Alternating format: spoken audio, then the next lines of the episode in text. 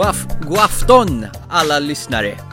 Det här är TT Film Podcast. Gud vad tramsig jag lät. Men i andra änden har jag Thomas Törnros, stor applåd! Hallå ja! Hallå, hallå! Det är torsdag, det är dags för ännu ett fantastiskt roligt avsnitt med dig Thomas. Har du hämtat dig efter förra veckans eh, haveri till inspelning? Ja, det var bland det värsta jag varit med om. Ingenting fungerade. Nej. Jag vet inte hur många timmar vi satt och försökte få igång det och sen så lyckas vi i alla fall på något sätt få ihop det så det blev ett avsnitt åtminstone. Frustrationen var maximal där. Det var nästan så jag tänkte kasta, kasta ut eh, all utrustning genom jag har ingen fönster i källaren men jag spolar ner den i toan kanske eller något i avloppet.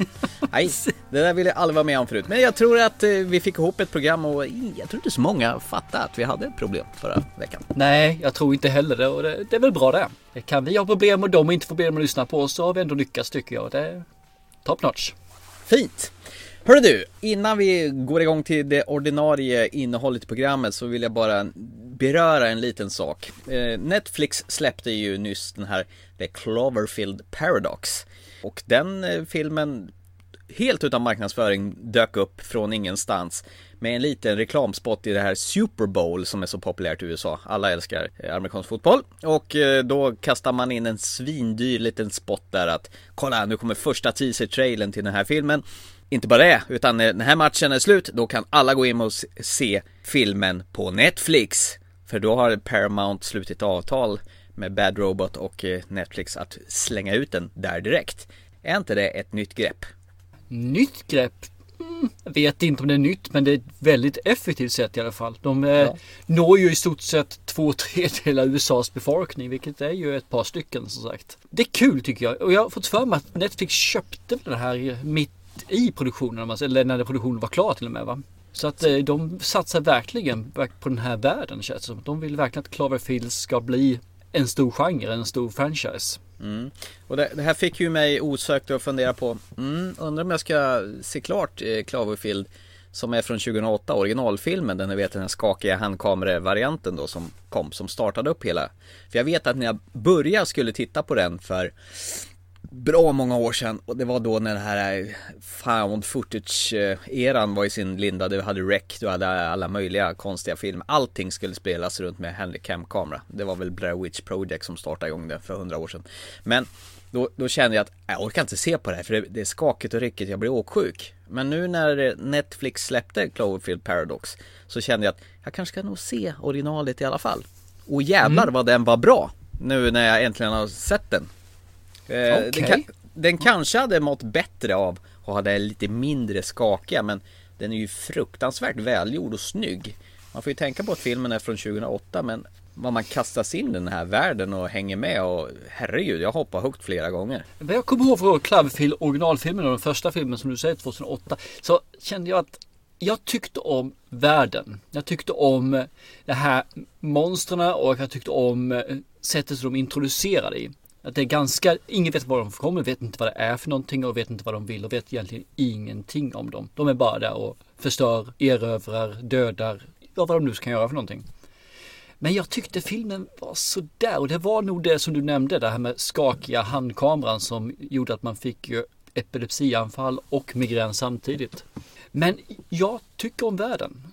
Så när uppf uppföljaren ska jag inte säga, men när film nummer två i vad ska man säga? Filmen två i den här världen kom. Det var Cloverfield Lane. Ja, Tenth Cloverfield Lane. Med John Goodman. Ja, det var ju sugen att se den och den eh, var kul tycker jag att se. Mm. Den hade ju anknytningar till världen. Den knöt ihop tyckte jag löst mot den här världen ganska mycket och själva filmen var ju super. Det, det var ju bara att den här ju kunnat vara utan den här Cloverfield-världen egentligen. Mm. Faktum är ju att egentligen så var ju det här menat att vara en film, skulle vara någonting annat. Men så köpte J.J. Abrams upp rättigheterna och kastade in en liten twist på den här Cloverfield och bakade om manuset lite grann. Så att det här är egentligen någon restprodukt av en annan film som skulle ha blivit någonting annat som blev det här. Och jag skulle tippa på att den här The Cloverfield Paradox är nog någonting liknande. Att man tar ett manus, sen skruvar man till det lite med Cloverfield-världen och vips så har man en Cloverfield-film. Du har inte sett den? Nej, jag har sett, eh, jag har tio minuter kvar av, eh, av filmen.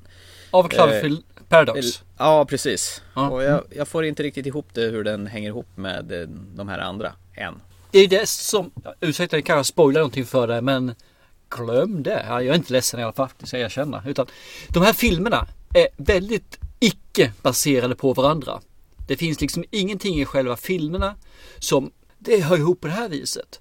Utan du får en studs ner i ett tillfälle, en, en kort period under den här, i den här världen. Det finns ingen som säger vilken tidsaxel det är överhuvudtaget. Utan det är bara här gräver vi oss ner en liten stund, nu gräver vi oss ner här borta och sen kan du göra vilken typ av film du vill egentligen. Det kan vara en skräckfilm, det kan vara en actionfilm, det kan vara en sci-fi, det kan vara en thriller, det kan vara vad som helst. Och det är det jag har fått av de här tre filmerna. Det som hör egentligen sy ihop dem är just den här världen som finns med de här demonerna, monstren eller utomjordingar eller vad det nu är för någonting. Och det tror jag man kan få ihop på hur många filmer som helst. Du kan till och med göra en, en dramafilm om det här tror jag. Men vi har ju sett den här Alien-filmen Monsters.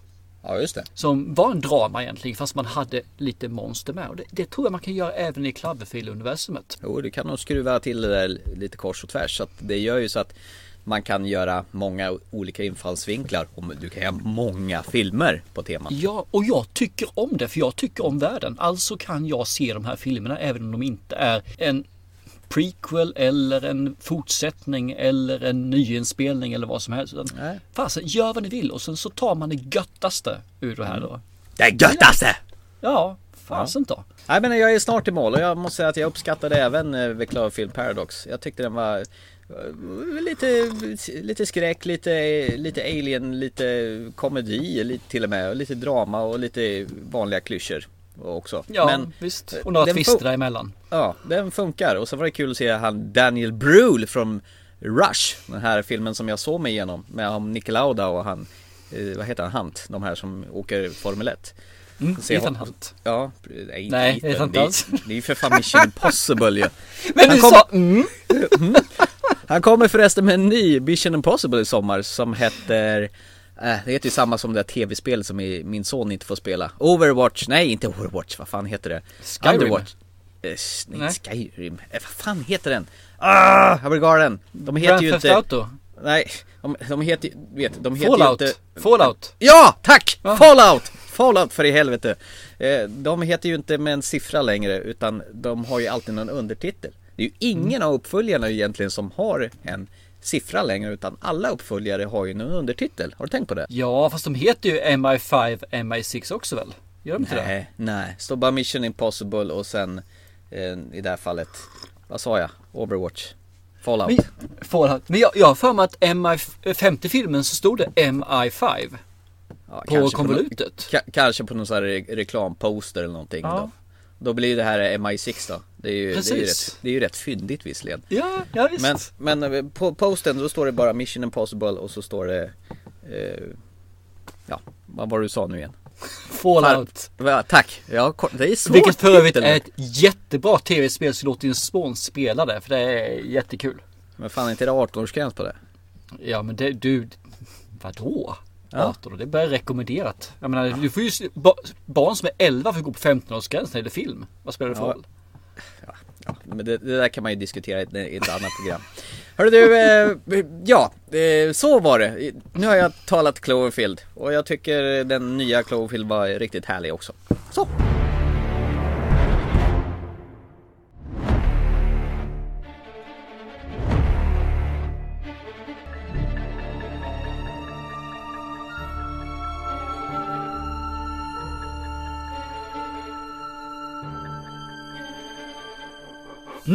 Bra! Ja, ska vi ta dagens första punkt? Ja, för länge, länge, länge, länge sedan. In, in a galax far, far away. Nej, det var fel. nästan i en eh, dysfunktionell framtid far, far away. Eller not far, so far away. Så pratade vi om en film som du satt som nummer ett. Och när vi såg den så var vi väldigt konfunderade. Och sa att den här måste vi se om igen och säga exakt vad vi tycker om den. Och det är givetvis Blade Runner 2049. What do you want? I want to ask you some questions. How long you been here?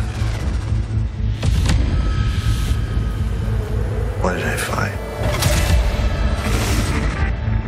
What was her name? How can you tell if something really happened? Tell me what you remember. Too many questions. Du, 2047 hävdar ju du sist att den hette. Fakta att jag har det nedskrivet här så jag säger rätt. Ja okej, det är lika bra det. Ja, eh, vad tyckte du då om Harrison Fords återtåg då? Så här i andra titeln. Ja, första gången så tyckte jag att Harrison Ford, vad fasen, han, han, han var ju bara trött. Han var ju bara, eh, varför finns han med? Nu, igen, har sett om filmen. Jag tyckte den här var konstig filmen ska jag också säga. Jag tyckte, jag, jag fick inte ihop den om den var bra eller inte. Det enda jag kunde säga om filmen var att den var väldigt, väldigt vacker. Och jag såg om filmen här nu och filmen är väldigt, väldigt vacker. Det man kan säga mer är ju att eh, vi har en Jared Leto som är med. Som är någon blind figur som gör de här replikanterna eller har designat om dem så att de har blivit utvecklade. He's a master of creation. Och jag fattar fortfarande inte vad fasen gör han i den här filmen. Han tillför inte ett enda smack och det, det är helt vansinnigt dumt. Om man nu inte ska göra en Blade Runner 2051 eller något sånt där. Ja, ja, to be continued där. Ja. Eh, ja, men eh, jag vet varför han är med. Det är för att han ska titta på sin senaste kreation som kommer nerfarande ur taket i en plastpåse. Och ligger och spra- sprattlar som en eh, sån här fisk som håller på att dö. Det, det, var, Ja. det var därför han skulle vara med, för han skulle få se lite boobs. Däremot så har jag tre stycken personer som när jag såg om den har verkligen höjts. Och den ena är faktiskt Ryan Go- Gosling. Han, han gör den här bra faktiskt. Han är helt känslokall, det finns liksom ingenting där överhuvudtaget. Men han gör rollen bra. Han är nästan Harrison Ford i originalfilmen. Sen har vi hon som spelar eh, Lieutenant Roshi, det vill säga Robin Wright. Ja, det är ju House of Cards eh, kärringen. Hon gör en otroligt fin biroll i den här filmen alltså. Hon gör mycket med lite. Och nu ska jag villigt erkänna att jag har glömt bort namnet på nummer tre. För det är inte Harrison Ford som- som jag hyllar nu utan det är The Bad Girl tänkte jag säga. Men eh, hon den här eh, Ja, som ja, ja. jobbar för eh, Leto. ja hon med pottfrillan. Joy heter hon va förresten. Hon gör också en jättebra fin roll tycker jag. Hon eh, är vän. Hon är liksom den här, vad hette hon eh, som eh, Harrison Ford var kär i i ettan? Ja, Rachel. Rachel tack. Hon är egentligen Rachel i den här filmen. Ja, hon har lite samma, samma frisyr också. Nästan. Ja, och, och samma mjuka attityd och kött också när hon föds. Och sen så utvecklas den här rollen tycker jag helt underbar riktning. Eh, sen har vi då gå tillbaka till vår kära Harrison Ford. Vad fasen nummer två gör han i den här filmen? Ja, men, ja precis. Det är ju bara för att knyta ihop till originalet. Det här kunde vara en helt fristående film, helt utan Harrison Ford. Han har inte behövt ett smack. Harrison Ford är ju den som skulle ha legat i den här boxen. Att Det är ju gärna med en gagball också eller något sånt där. Nej, han, jag tycker han är urkass i den här filmen. Han är ju som ett lik som rör på sig. Fingal Olsson alltså. Han rör ju på sig. Fast han har vit, han har vit t-shirt på sig också. Också helt jättekonstigt. Ja, liksom... och jeans. Medan alla andra går i space-kläder. Summa summarum. Filmen är faktiskt riktigt bra. Jag, jag satte den här liksom som konstig vet inte film när vi satt där. Jag hade inte ens den i närheten att gå in på eh, listan. Jag är osäker på om den skulle komma in på listan nu men den är en väldigt, väldigt stark bubblare. Den, den är faktiskt väldigt underskattad den här filmen. Jag tycker att den är helt klart värd att se. Den är mer värd att se. Jag såg den ihop tillsammans med tjejen som dissade originalfilmen och sa vad är det här för skit? Det här vill jag aldrig någonsin se igen. Och när hon såg den sa hon Men du, den här är riktigt bra faktiskt. Jag, jag tycker om den, sa hon. Så att det måste ju betyda någonting alltså. Att den den här har någonting som är modernt och lite mer aktuellt än vad den gamla filmen har idag. Den har alltså ett existensberättigande. Den har mer ett ex- existensberättigande den här filmen faktiskt. Jag tycker den har någons, en väl framträdande position under sin, eh, det år den gjordes, 2017. Så att den här är riktigt, riktigt bra. Dennis Villeneuve har ju faktiskt tagit originalet och så har han gjort en egen film med värdighet och vördnad och all respekt för Ridley Scott han har ju tagit essensen från Blade Runner, han har ju uppdaterat världen, den ser ut fortfarande som Blade Runner. Han har lagt till egna element, egna färger, egna, eget sätt, kopierat lite av det här. Ja, vissa saker som är med från originalet, det nämnde jag tidigare, att de till och med återanvände en scen som skulle öppnat Blade Runner i originalet, med det här med kokande grytan, när han möter Dave Bautista. När han ska pensionera den första replikanten. Har han ger Mengi, det är det första scenen som händer, han Sapper Morton då. Alltså själva miljön, ljudet, musiken, det är ju liksom en klon från Vangelius. Fast det är Hans Zimmer tillsammans med den här islänningen som har gjort det är mycket sånt Inflikat där. Det är mm. en av de sakerna jag skulle plocka bort fortfarande. Ja. Musiken är ja. bättre när jag såg den nu igen. Men mm. den stör mig fortfarande lite grann. Det är Arrival. Det är Arrival tyvärr. Men syntstråkarna som påminner om Vangelius är ju helt underbara. Man, det, jag får nästan rysningar med det hela. Och sen blir jag lite kär i, i Ryan Goslings, eh, det här hologrammet som han har. Den här som heter Love tror jag. Ah, som, ja, det har du rätt i. Som, som ändrar karaktär och man tycker ju nästan synd om henne. Man får sympati för en, ett hologram, en robot eller vad nu är. Eh, ingen robot utan Ett kan ju, program är hon ju bara ett, ett program ja Och han som bryr sig om henne Fast hon är egentligen bara ett program Och de har ju någon komplicerad rel relation där Den är mångbottnad Han gör ju sin grej av den här filmen Och det enda jag skulle önska är att klippt bort Harrison Ford i den här filmen. Han hör inte dit. Och eh, han, Jared Leto, han kunde också ha varit väck. Annars var ju filmen mums fortfarande. Jag, jag, tycker det är en fröjd att se på, den är en fröjd att lyssna på. Alltså surroundsystemet får jobba skiten av sig ur den här filmen och det funkar väldigt väl. Man bara sugs in i den här världen och trots att den är nästan tre timmar lång den här filmen så är det ju mumma fortfarande. I love it. Ja. Jag har en sak till jag vill göra för att downa den här filmen igen. Det är, det är lite för mycket blinkningar. Blinkningar till första filmen, det är blinkningar till ursprungliga regissören, det är blinkningar hit och dit alltså tycker jag. Det, det blir lite för mycket för nördarna. Det stör mig lite grann måste jag erkänna. Men det är ingenting som gör filmen dålig utan det är bara att det här hade kunnat göra den lite bättre. Ja, jag, jag, jag störs inte alls av det här. Jag tycker det är mums. Jag, jag fattar varför man vill göra det här. Det är ju som alltid lite hyllning till originalfilmen som man så gärna gör i Hollywood idag. Jag har ju sett andra filmer som gör mer övertramp på det här än vad den här gör.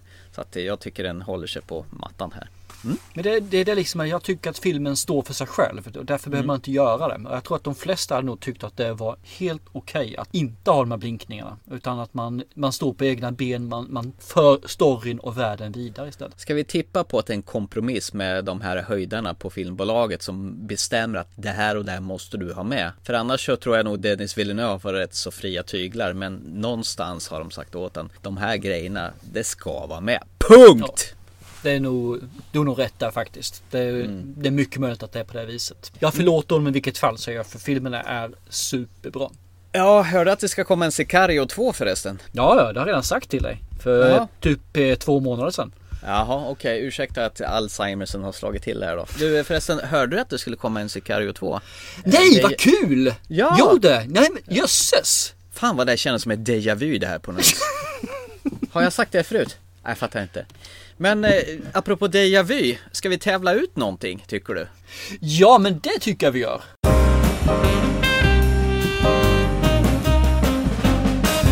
Varför då inte tävla ut Blade Runner 2049? Jajamän! Vi har ju fått av eh, Universal Sony Pictures eh, två stycken exemplar här som vi tänkte tävla ut till två lyckliga vinnare. Och det finns ju även på den här fina Blu-rayen fyra stycken små prologer till Blade Runner 2049 som mm, tillför lite grann till den här filmen också. Så de kan man titta på och få en fördjupning i Blade Runners universum och det är olika tidsåldrar varje de här prologfilmerna. Så de är mums att titta på om eh, man vill ha lite mera Blade Runner än de här två timmar och 40 minuterna som den här filmen är. Det vill man ju, eller hur? Ja, ja det vill man ju och man vill ju vinna den. Och hur gör man för att vinna den här då? Jag tycker att man får väl göra som vanligt va. Man eh, likar och delar inlägget mm. och sen så säger vi väl att bästa framtidsfilm mm. eller någonting sånt där. Ja. En framtidsfilm, det tar vi ja. tycker jag. Någon film som handlar i en framtid nära eller långt bort åt helvete i framtiden. Vårt universum, ett år fram i tiden eller hundra eller tusen år fram i tiden spelar ingen roll. Men vänta, det är mer! Som vanligt. Da, da, da.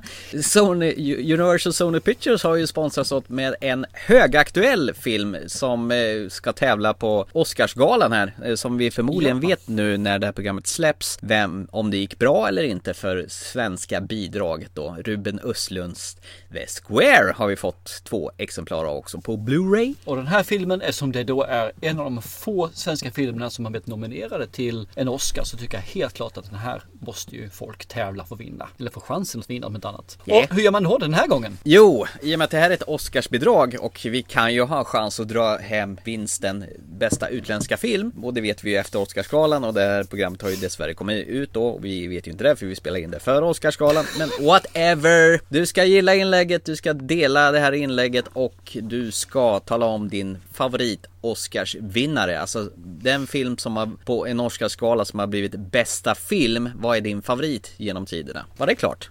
Ja, precis. Så då eh, är ni med och tävlar om Ruben Östlunds eh, Oscarsbidrag vid Square. Lysande. Don't be a square, var med och tävla. Vi kör på det.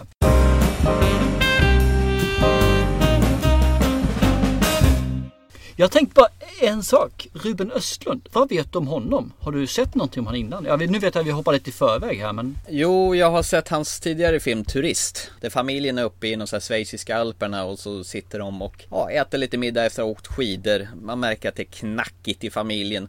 Och så kommer en sån här, eh, vad heter det? Lavin. Ja. Som eh, kommer farande mot eh, själva där de sitter och äter då. Då får folk panik. Och mest av panik får den här pappan i familjen när han är där med sin fru och barn då. Och han skiter i familjen, bara drar för att rädda sig själv. okej, nice. Ja, Du, och- och- ta inte ja. mer än så för jag tror jag ska se den vid tillfälle här. Så att äh, drar du för mycket så kommer jag ju ha sett den eller hört den redan av dig. Det är egentligen det första som händer och filmen osar av ångest kan jag säga. Och den är lite jobbig att se på, man får nästan lite ont i magen att se den. Och sen har du ju han eh, den rödhårige skäggige karln från Game of Thrones är med. Vet norrmannen där som är även med Ja. i, i Beck-filmerna numera. Ja men det känner jag igen. Han är med. Nej men den är bra, den tycker jag du ska se. Eh, vi kommer ju prata om eh, The Square lite senare i programmet. Men först Utmaningen. ska du få redovisa ditt uppdrag från förra programmet. Och då fick du ju filmen Sideways från 2004 med Paul Giamatti i huvudrollen och Thomas Hayden Church. Let me show you how this is done. Hold the glass up and examine the wine against the light. You're looking for color and clarity. Now, stick your nose in it. Maybe some strawberry. Oh, there's just a flutter of like a like a nutty Edam cheese. When do we drink it? Now. Mmm. Are you chewing gum? No. It's gonna be great. These girls want to party with us. If they want to drink Merlot, we're drinking Merlot. No, if anybody orders Merlot, I'm leaving. I am not drinking any Merlot. You don't like my point of view, but I'm insane. Och den här filmen visste jag faktiskt ingenting om. Mer än det du sa. De dricker vin. Och det var väl den bästa förklaringen av filmen man någonsin kan säga i stort sett. Man dricker vin. Så inåt helvete dricker de vin. Men vad ska man säga? Det är egentligen två killar som eh, den ena ska gifta sig. Blir då fångad i äktenskapets bojor. Aj, Och de ska ju då ha en, det är väl inte en svensexa utan det är väl en vecka tillsammans där de ska ha lite kul. Och eh, ja egentligen så är den ena tycker att det här är kul i alla fall. Den andra hänger väl med mest för att få sprit i sig. En av dem, singel, ny, eh, nyskild, ett år tillbaka skild. Han är ju en eh, kondensör utan dess like. Han älskar vin. Han kan i stort sett det mesta om de här vindruvorna som finns här. Hur de växer, hur de mognar, i vilken mån de ska och varför de smakar som de gör och hur de smakar när han smakar dem. Han kan allt om det här vinet. Det andra är ju mer en skådespelare som sagt var som tycker att ja men eh, jag kan väl dricka ljummen champagne ur en plastmugg samtidigt som jag har en mintpastill i munnen. För jag får ändå i mig alkoholen. De här står åker då upp till vindistriktet för att ha den här sista veckan tillsammans. Där eh, den ja, skådespelaren känner väl är det här rätt för mig? Och han, den andra är mer tragisk och känner liksom att vad fan, varför lever jag det här livet? Typ, han säger inte det men det är det intrycket jag får av honom i alla fall när han går där bredvid. Han är väldigt, väldigt moloken. mörk, deprimerad, tråkig, Misslyckad. störig. Han, han, jag, jag, första tiden i filmen där så, så hoppades jag bara att en lastbil skulle svänga av vägen och köra på honom. Över hans jävla fula Saab med cab. Ja, och gärna backa över honom en gång till när han säger hjälp, jag klarade mig men jag mår lite dåligt. Och då kör man av honom en gång till. Och sen så tar man den här flaskan och dränker han i vin. Men inte på, genom munnen utan man gör det på lite mer raffinerat sätt. Det finns andra öppningar. Jag, jag tyckte verkligen illa om honom, ursäkta det. En avvikande del här. De här är i alla fall där uppe, träffar två damer som de känner väl sig med lite tillfreds med som börjar umgås med dem. Det ena leder ju till det andra när de eh, utvecklar det här vänskapen slash ja, lite romantik. Det är storyn, baselinen som jag ser det. Det första jag tänkte på när jag såg filmen är vad fasen får jag se en 70-talsfilm igen?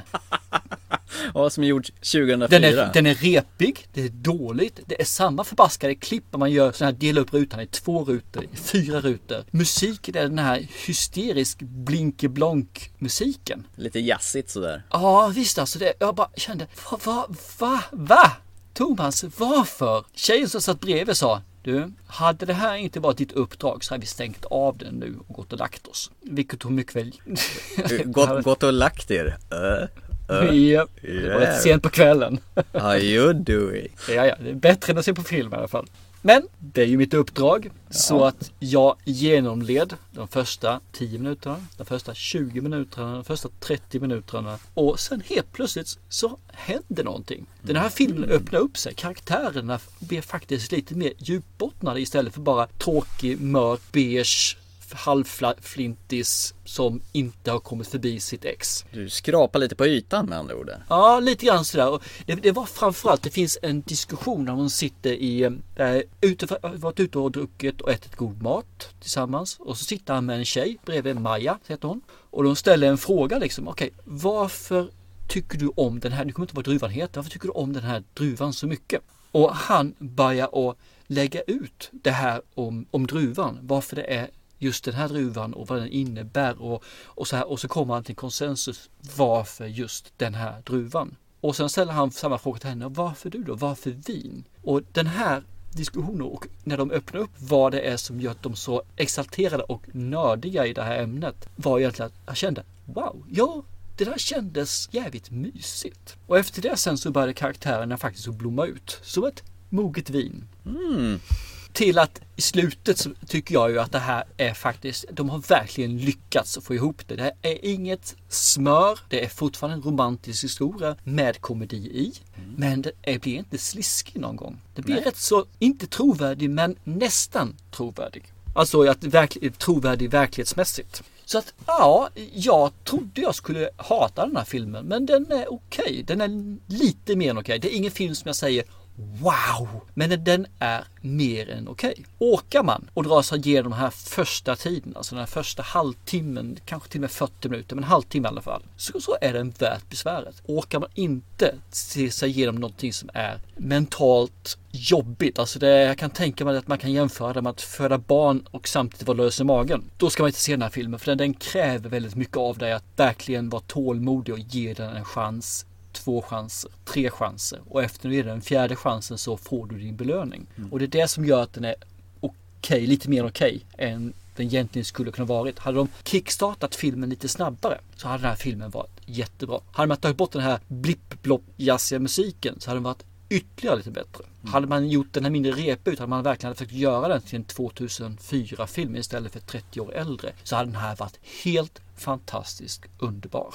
Så själva filmens uppbyggnad och story är jättebra, förutom starten då jag säger. Resten drar bara ner den, tyvärr. Alltså jag brukar tycka om när man gör på det här viset, men det här blir för mycket. Ett nöje att se den. Den är lite för lång, den är över två timmar lång. Den skulle lätt ha klarat sig på 1.40 till och med 1.30. Ta det här lite grann, att eh, den, den, den behöver sin tid för att starta. Jättevärd att se den. Vad tyckte du efter min långa entoniga monolog här? Jo men alltså jag gillar ju Paul Giamatti, jag håller ju på att titta på den här serien Billions. Jag tycker om han som skådis. Det jag tyckte var läckert med den här filmen det är att det handlar om vuxna människor för en gångs skull. Det är liksom inga unga människor som ska ut på någon svensexa utan män i medelåldern som man kan relatera till, och sen träffar de ju kvinnor som är i samma ålder. Virginia Madsen tycker jag också är trevlig och hon nu spelar ju hon Maja som Paul Giamatti. har, känner lite sen tidigare men kan inte släppa in på sitt liv för han har inte kommit över sin fru som har, som han skilt sig ifrån och känner att han sluter sig som en bok. Han känner sig misslyckad och han misslyckad författare som inte får sin bok publicerad dessutom. Men han kan ju det här med vin. Det är ju hans big thing. Drunknar väl bort i det här vinet, har väl kanske inte rätt si- sinne ibland utan det går lite överstyr. Men eh, jävlar vad den karln kan om viner och det kändes lite utbildande även den här filmen när han berättar om druvorna och så vidare. Och jag tror nog säkert det stämmer, det, det de säger mycket med där. Ja men det tror jag också, absolut. Den känns ju mysig och trevlig och det känns som man vill hänga med de här personerna. De har ju jäkla mysigt tillsammans. Och sen har man ju Jack då, han Thomas Hayden Church, han som ska gifta sig med hans, ah nu ska jag väl bara passa på och sätta på lite tjejer innan jag gifter mig nästa vecka. Och bakgrunden varför han har den, den här lättsamma, lättsinniga saker, jag kan väl pöka mycket jag vill. Om man skrapar lite på ytan där så finns ju en, en osäkerhet hos den personen. Folk beter sig ju oftast inte bara som idioter bara för att de är idioter utan och det är ju det här som filmen lyckas med. Att det är som du säger i början, vad är det för två jävla idioter som man inte känner någonting med? Den ena är tråkig, misslyckad, den andra han är bara en kåt jävel som vill nuppa. Men ju mer filmen går, du får liksom lära känna de här personerna lite grann så, så utvecklas ju någonting mänskligt med den här filmen. Och det gillar jag med det här. Och det är du som du säger, det är inte så jävla sliskigt som det kan vara i sådana här filmer. De går hela vägen i mål utan att det ska bli övertydligt. Och verkligen, pappa! Allting löser sig till det bästa. Och det gillar jag. Jag tyckte också om det. Och sen så, Vida Madsen förresten, känner du igen henne någonstans ifrån? Highlander 2, världens sämsta Highlander-film. Din, din favoritfilm ja, precis. Eh, nej, hon har ju varit med lite varstans faktiskt. Men det var länge sedan man såg henne. Hon har varit med i mycket tv-serier. Det är ju där jag känner igen henne. Så att, Ja, Candyman vet jag. Hon har varit med i. I den här eh, skräckfilmen, han som eh, har massa getingar på sig. Hon har ju fan huvudrollen i Candyman, bland annat. det är ju en riktigt skön skräckis faktiskt.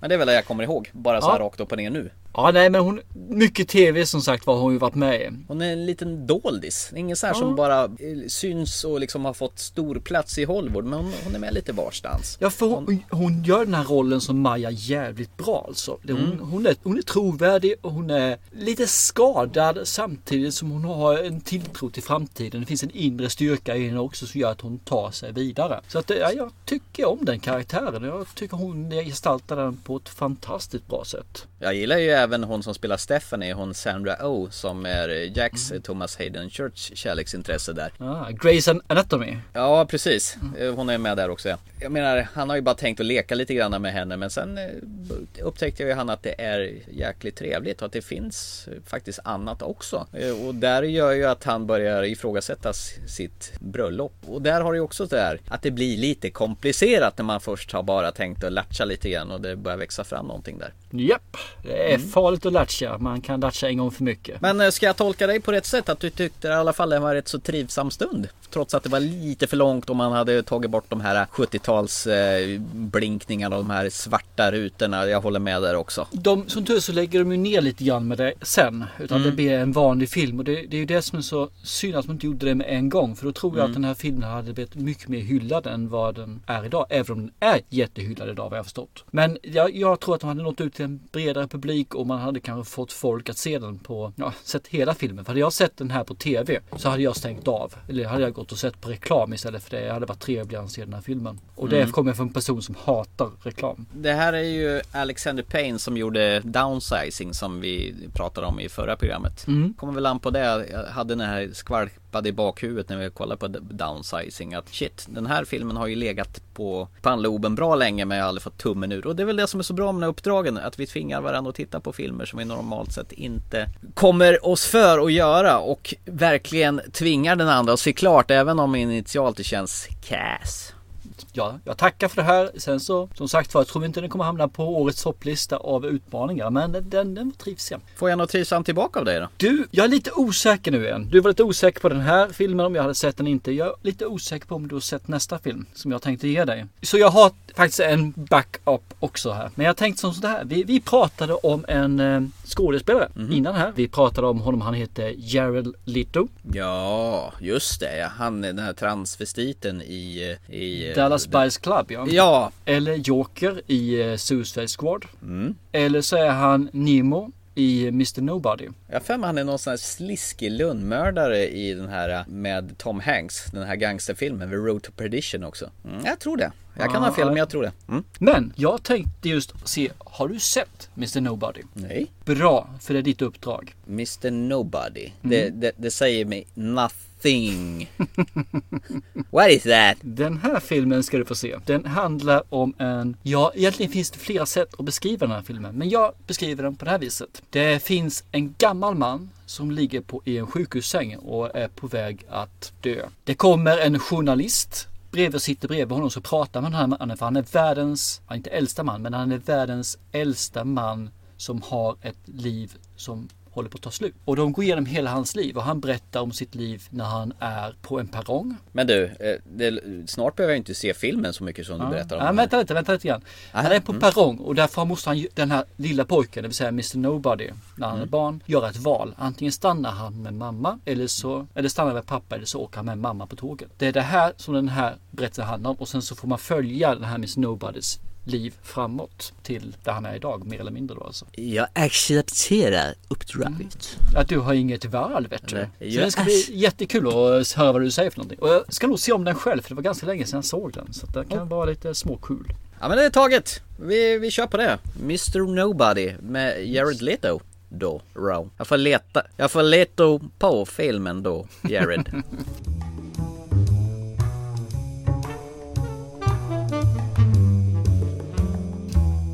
Ska vi gå till eh, kvällens eh, sista ämne och du behöver inte känna dig som att du är a square om du pratar om den här filmen. Jag refererar till, till Quentin Tarantinos film Pulp Fiction. De sitter i bilen där han ska ta... Be there och be square. Ja, be there. Don't be a square, Vincent Veiga. När de ska gå in och twista.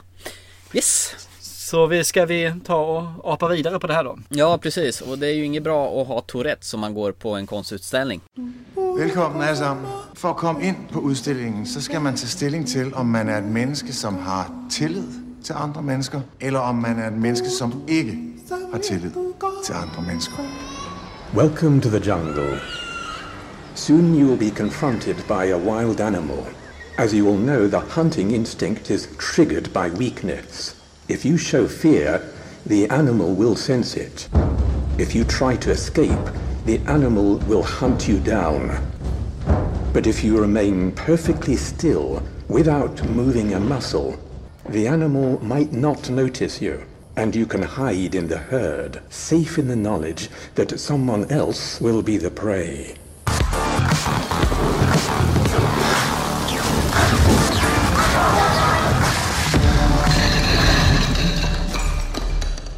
You just go have sex with just anybody? Excuse me? Do you just go have sex with lots of other women? Ska vi hoppa in i den här filmen och se vad det är egentligen vi har sett för någonting? Du får gärna berätta vad den här filmen handlar om för jag, jag vet inte riktigt vad den här filmen handlar om. Jag, jag drar det ganska enkelt här i sådana fall för jag, jag vet inte heller riktigt hur jag ska förklara det. Det finns i alla fall ett Stockholmsmuseum och där får vi följa chefen för det museet. Christian!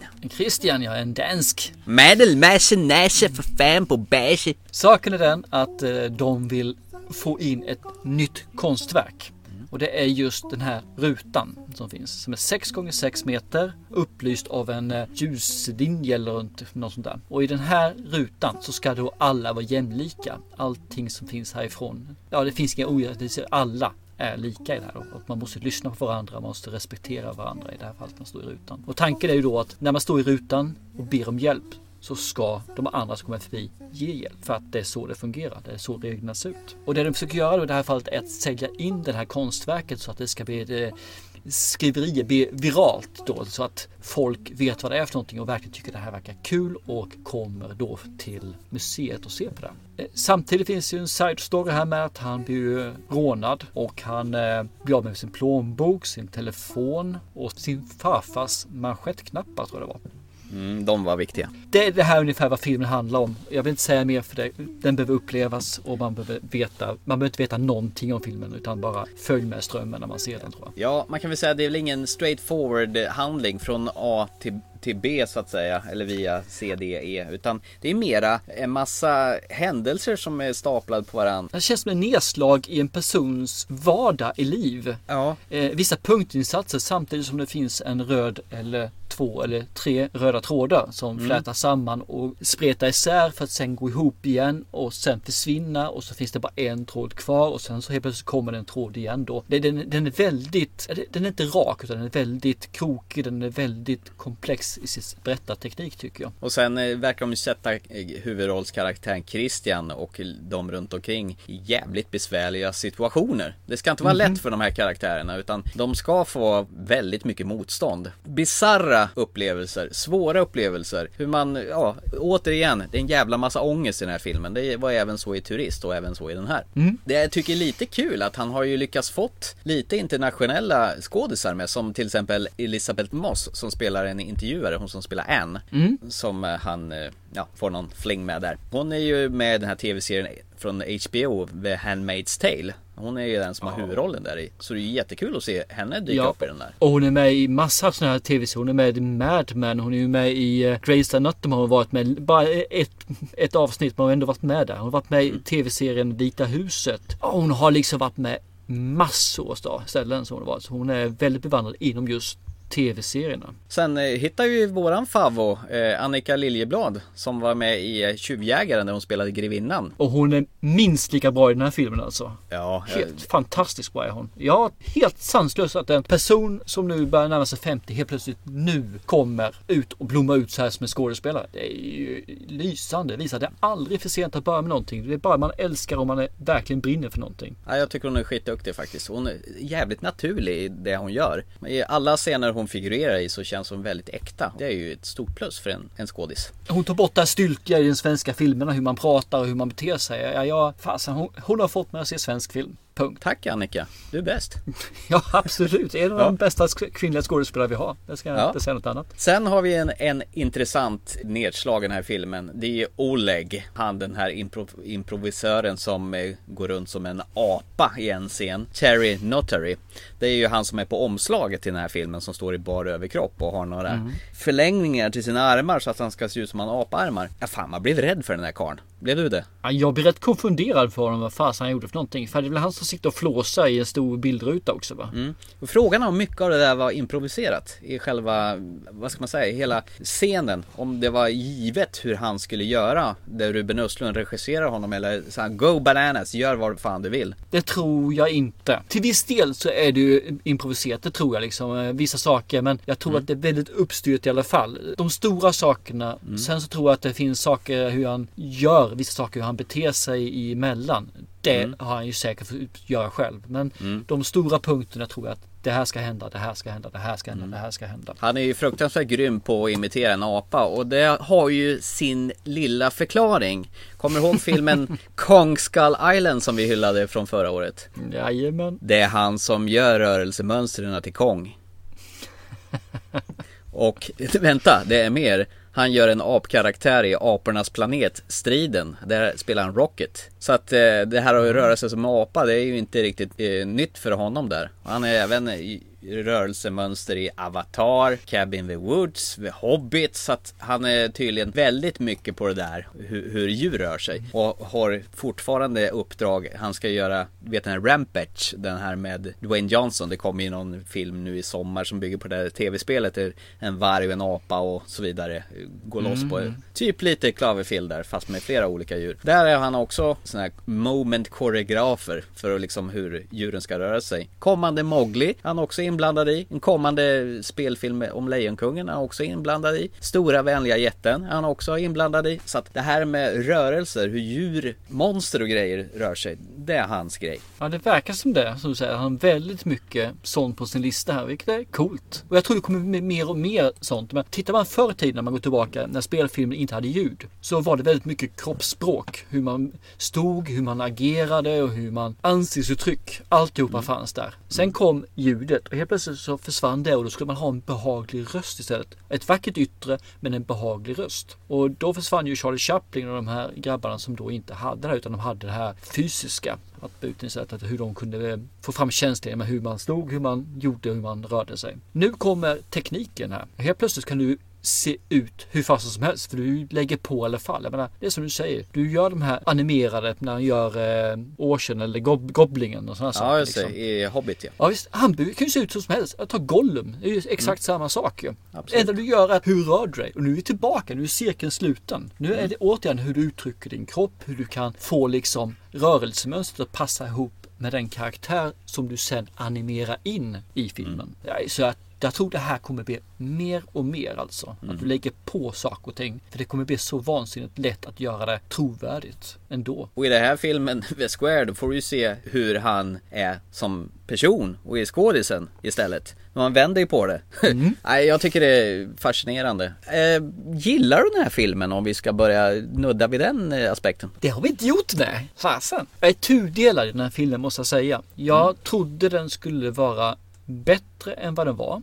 Och jag trodde att den skulle vara mer annorlunda än vad den, vad den presenterade. Jag trodde den skulle fokusera på just den här rutan. För det är den som alla fokuserar på när man har hört om filmen, när de gjort den. De har till och med gjort en ruta liksom. För att du ska få- in den här känslan. Att den finns där. Men rutan var ju ganska skymundan i i hela filmen. Den, den, den, man snuddade vid den, den fanns lite i bakgrunden. Men själva betydelsen av rutan var ju inte det som var the main story. Och jag blev lite besviken på det faktiskt. För jag trodde att det skulle vara någonting att här kunde man bete sig, här kunde man vara, här kunde man kräva en viss respons från eh, det yttre om man säger så.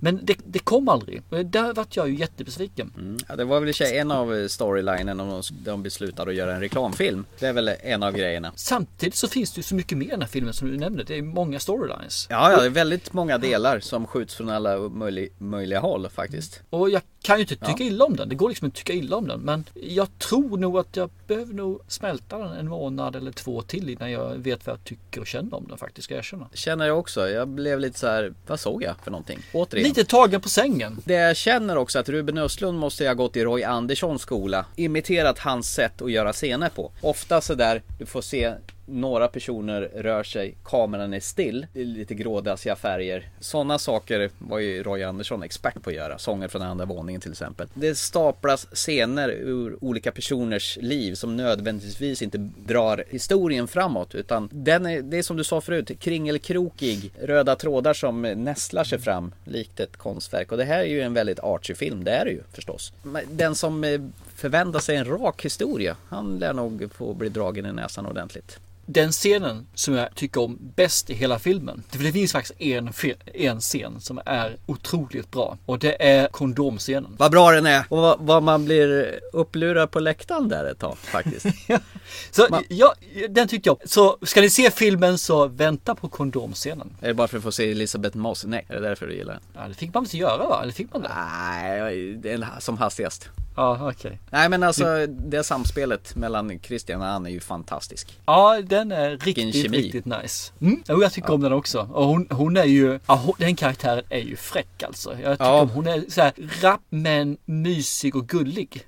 Det, om du förstår vad jag menar. Hon är jättevek, hon är lite nervös beteende men i, under den ytan så finns det liksom en, en tjej med rutor i som vet vad hon tycker och känner och vill. Sen tycker jag också att han som spelar Christian, Claes Bang, den danske skådisen, han är för jäkla bra också. Han utstrålar ju karisma så det bara dönar om det. Eh, Han är Ja. en, en skön typ som man vill hänga med känns det som. En alfahanne kan man säga. Ja, alltså. verkligen. Nej men jag, jag gillar honom skarpt i den här filmen. Hans kringelkrokiga väg fram i filmen är ju underbart att följa tycker jag. Även om jag inte tyckte den här filmen skulle vara så här jättebra, och, vilket den inte är, den är faktiskt bra filmen. Så hade jag ändå rekommenderat den. För det är så sällan vi får svenska filmer som är Oscars-nominerade. När vi väl får det så ska man ta chansen och man ska se dem alltså. Sen så tycker jag det är synd att den här är två och en halv timme lång. Ja, lite för lång. Det är den alltså. Inte, den är inte för lång för jag har tråkigt i filmen. För det har jag inte. Jag har inte tråkigt ett enda smack. Den är för lång för att det tar för lång tid att se den. Man måste investera för mycket tid. Två och en halv timme är åtminstone en halvtimme för mycket, tycker jag. Och det finns ju inte en enda dålig skådis i den här filmen. Till och med den utländska killen som ska göra kaos av, av, av, Christians liv är ju riktigt ball också. Ja usch ja. Och jag tycker faktiskt om slutet i filmen. Det är ytterst sällan som jag säger att ett slut är bra. Men den här filmen har ett slut som är helt suveränt. Det följer faktiskt eh, Ruben Östlunds sätt att göra film på. Gillar du slutet på den här så kommer du även älska Turist, tror jag. Du, vet, vet du vad? Jag, jag ångrar mig. Jag eh, tar tillbaka det jag sa.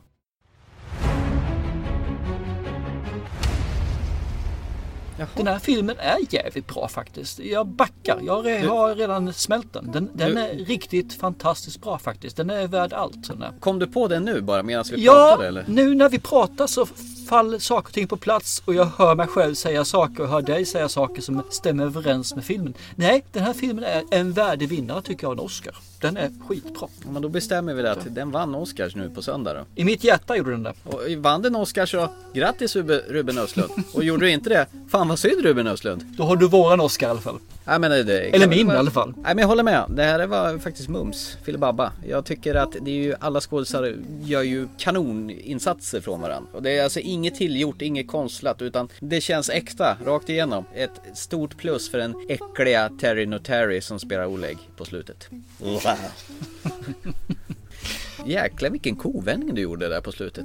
Ja men visst gjorde jag va? Ja. Men man måste ju vara öppen för vad man egentligen hör sig själv säga. Att, eh, När man säger att man inte kan se något dåligt med en film och man hör sig själv säga att det finns det här är bra, jag tycker att den här skådespelaren är bra. Det finns inga dåliga skådespel, allt, alla gör det de ska. Ja, men då kan man inte tycka att filmen är sådär. Det det är ju lögn i helsike. Det är bara att anpassa sig. Att säga sånt, att då tycker jag det. Och då är det så bra. Det är en skitbra film. Med en komplett kondomscen också. Med en komplett kondom sen.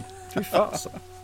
Med de kloka orden ska vi wrappa upp för idag. Det tycker jag absolut. Och ska vi då göra en påminnelse om våra kära tävlingar? Ni har ju chans att vinna Blade Runner 2049 med massa goa prologer som ej tidigare visats på bio. Så det är bara att hacka i det hela och vara med och tävla. Var en riktig Blade Runner. Gilla, dela inlägget och nämn din favorit framtidsfilm som har anknytning till vårat universum. Kan gärna vara en nära framtid, långt bort åt helvete framtid, men en film om framtiden helt enkelt. Och nummer två, eh, nu har vi precis talat om Square, då har ni chans att vinna detta Oscarsbidrag då. Även där, gillar dela inlägget som kommer finnas på Facebook och Instagram. Och nämn din favorit Oscarsvinnare som bästa film genom tiderna så har du chans att lägga vantarna på Ruben Östlunds mästerliga The Square kom vi fram till att den var. Så, lyssna gärna på våra gamla program. Det finns så här 100 14 stycken av dem någonstans. Det är bara att hacka i, men inte på det första. Det skäms vi för. Eh, men annars så finns vi på iTunes, vi finns på Acast, vi finns på Podventory och, och vi finns ju på alla övriga podcastplattformar som går att nå. Och eh, ja, skicka gärna in ris eller ros till oss. Vill ni nå oss på eh, e-post så är det ttfilmpodcast@gmail.com. Annars har vi ju Facebook-sidan där ni ofta är inne och pratar med oss. Det gillar vi. Och som en sista fotnot innan vi stänger ner butiken för ikväll. Tack så jättemycket för alla filmförslag vi har fått hittills. eller Jag har fått hittills för filmer som mina söner bör ha sett. Fortsätt, ge mig mer. Jag behöver alla förslag jag kan få så jag kan bilda mina söner. Eh, men eh, till nästa gång då, se en bra film för det tänker jag göra. Jag ska gå och se Mr Nobody, min sann. Det tycker jag absolut du ska göra. Vi ses, hej då! Chip chip!